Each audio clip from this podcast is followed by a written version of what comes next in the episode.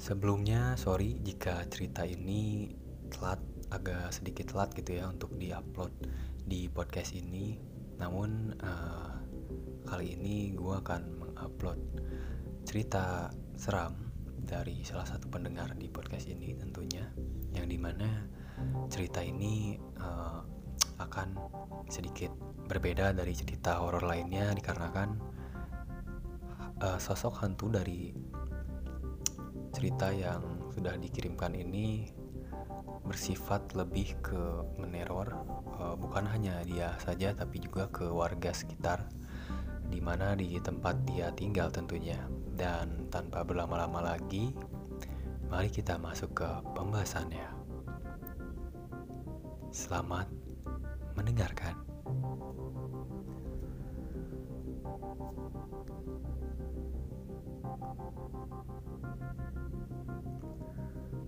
Cerita menyeramkan ini datang dari sebuah desa di Ambon yang dialami langsung oleh pemuda yang bernama Yahya. Yahya kala itu di tengah um, melanjutkan studinya di salah satu instansi pemerintahan di Ambon. Diketahui Yahya tinggal di salah satu desa di Ambon pada tahun 2015 lalu. Ia bercerita pada tahun 2015 sampai dengan 2017 Desa yang ditinggali oleh Yahya itu konon diteror oleh makhluk tak kasat mata yang diyakini merupakan korban mutilasi. Nah, karena cukup sering mengalami teror, warga desa tersebut kemudian memberi nama pada sosok tersebut dengan sebutan Nabila. Menurut penuturannya, teror ini diawali dengan penemuan potongan tubuh dari perut bagian bawah sampai kaki. Orang yang berpapasan dengan sosok ini akan ditarik ke suatu aliran sungai untuk diminta mencari bagian kepalanya sambil berteriak. Siapa saja yang berada di luar rumah saat di atas jam 10 malam dipastikan bertemu dengan sosok hantu Nabila ini. Ucap Yahya yang menceritakan pengalamannya ini di podcast ini. Nah, jadi Ceritanya pada satu malam Yahya terpaksa harus pulang di atas jam 10 karena tuntutan dari instansi. Padahal temannya sudah menyarankan Yahya untuk tidur saja di kamar asrama tapi Yahya menolak dan langsung pulang eh, dan pada waktu itu dia pulang dengan alasan seragamnya sudah kotor dan waktunya untuk dicuci dan ganti dengan yang baru. Tak pikir panjang, Yahya sudah tahu soal hantu Nabila dan menganggap bahwa sosok tersebut hanya mitos belaka. Yaya pun pulang dengan motor bebeknya dan awalnya tidak ada kejadian aneh di jalan pada saat itu. Sampai ketika Yahya mulai memasuki wilayah desa di mana saat terdapat lapangan bola di bagian kanan dan rumah kosong di sebelah kiri atau tepat di seberangnya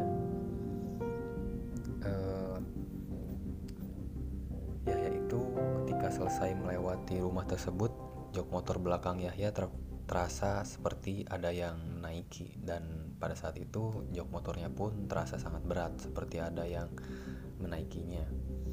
Nah, padahal motornya berjalan dengan kecepatan 80 km per jam. Nah, pada saat itu Yaya pun mencoba menengok spion sebelah kiri.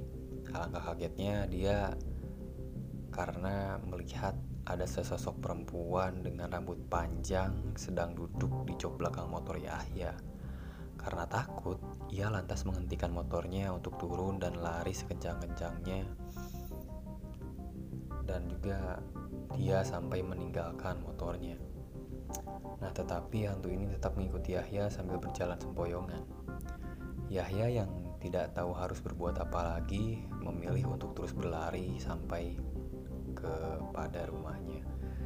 Dia pun kemudian menggedor pintu lalu dibuka oleh ayahnya. Melihat kondisi tersebut, ayah dari Yahya ini seperti mengetahui kondisi anaknya lalu menyuruh untuk mandi agar tidak diikuti oleh sang hantu Nabila itu. Untuk menggambarkan kengeriannya, salah seorang warga pun yang mengaku pernah bertemu dengan hantu Nabila pun menceritakan sosoknya.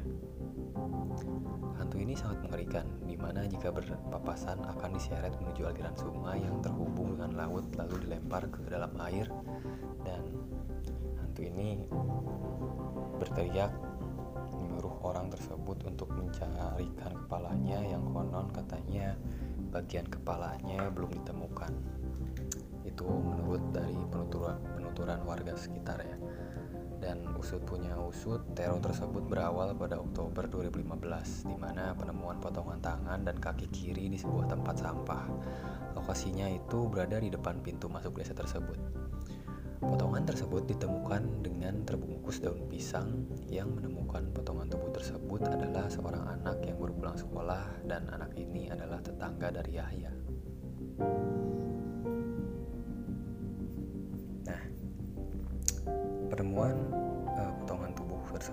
Berlangsung uh, ya berlangsung menjadi sebuah hal yang sangat mengerikan tentunya di uh, daerah tersebut dan di pada saat itu juga uh, hal tersebut menjadi ramai di kalangan warga sekitar dan tidak lama uh, penemuan potongan tubuh tersebut pun langsung dilaporkan ke pihak berwajib.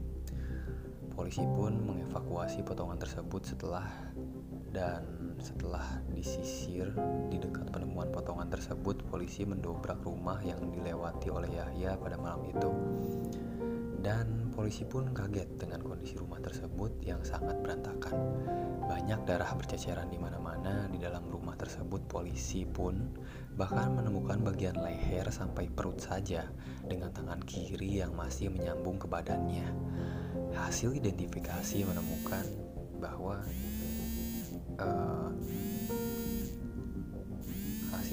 identifikasi menemukan bahwa uh,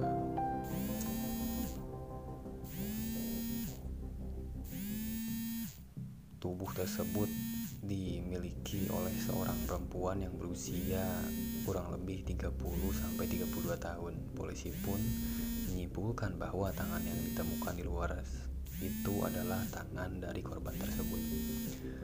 Polisi pun membawa semua potongan itu ke rumah sakit untuk dilakukan otopsi dan akhirnya polisi memasang area rumah tersebut dengan garis polisi.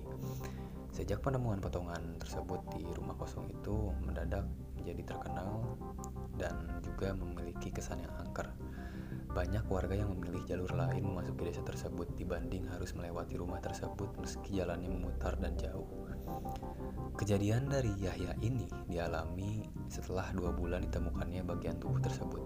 Satu minggu setelah penemuan potongan tubuh yang pertama, bapak-bapak yang hendak pergi ke sawah di rawa sekitar pesawahan bapak itu uh, sempat menemukan potongan tubuh bagian perut sampai kaki.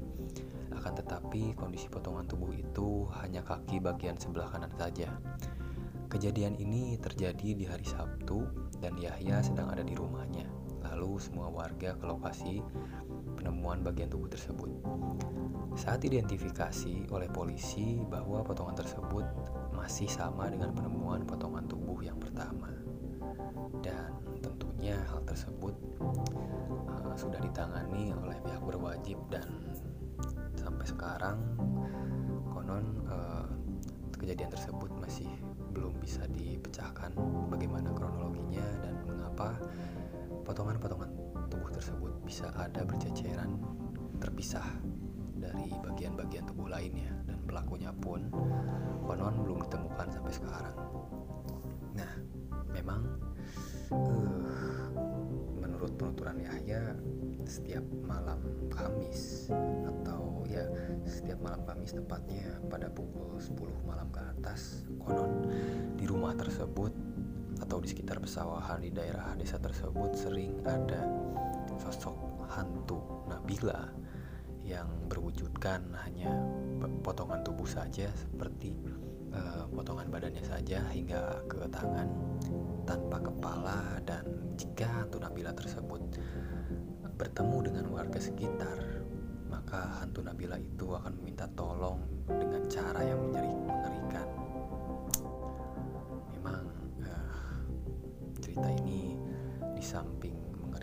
juga ini adalah sebuah kejadian naas yang dialami oleh salah satu warga di sana.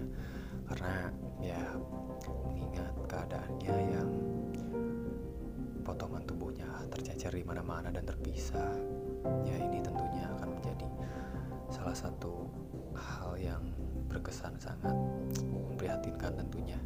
Dan ya untuk kalian mungkin yang memiliki cerita horor lainnya kalian masih bisa sharing nih di podcast ini melalui alamat email trianglepodcast17@gmail.com dengan format teks ataupun audio. Dan juga untuk di episode selanjutnya, gue bakal uh, upload nih salah satu uh, misteri yang tentunya akan seru untuk dibahas. Dan untuk kalian juga mungkin yang ingin request mengenai pembahasan soal hal-hal misteri tidak hanya berbau cerita horor aja ya. Uh, hal misteri itu sebenarnya luas dan bisa kalian explore lagi karena masih banyak hal-hal yang masih bisa belum terpecahkan yang tentunya hal tersebut akan memberikan kesan misteri dan seru untuk dibahas. Oke, okay, uh, eh, tanpa berlama-lama lagi, mungkin gue akan menutup episode ini dan mohon maaf jika cerita ini terkesan sedikit pendek. Karena ya gue hanya mendapatkan cerita ini segini adanya. Dan untuk kalian mungkin yang memiliki cerita horor panjang yang ya pembahasannya itu bisa dibedah sangat panjang kalian bisa kirimkan aja cerita kalian ke alamat email trianglepodcast17@gmail.com sekali lagi dan tentunya nanti bakal gue upload di episode yang selanjutnya. Oke, uh, terakhir nama gue Rifel Fadila. Sampai bertemu lagi di kesempatan yang selanjutnya. Goodbye listeners.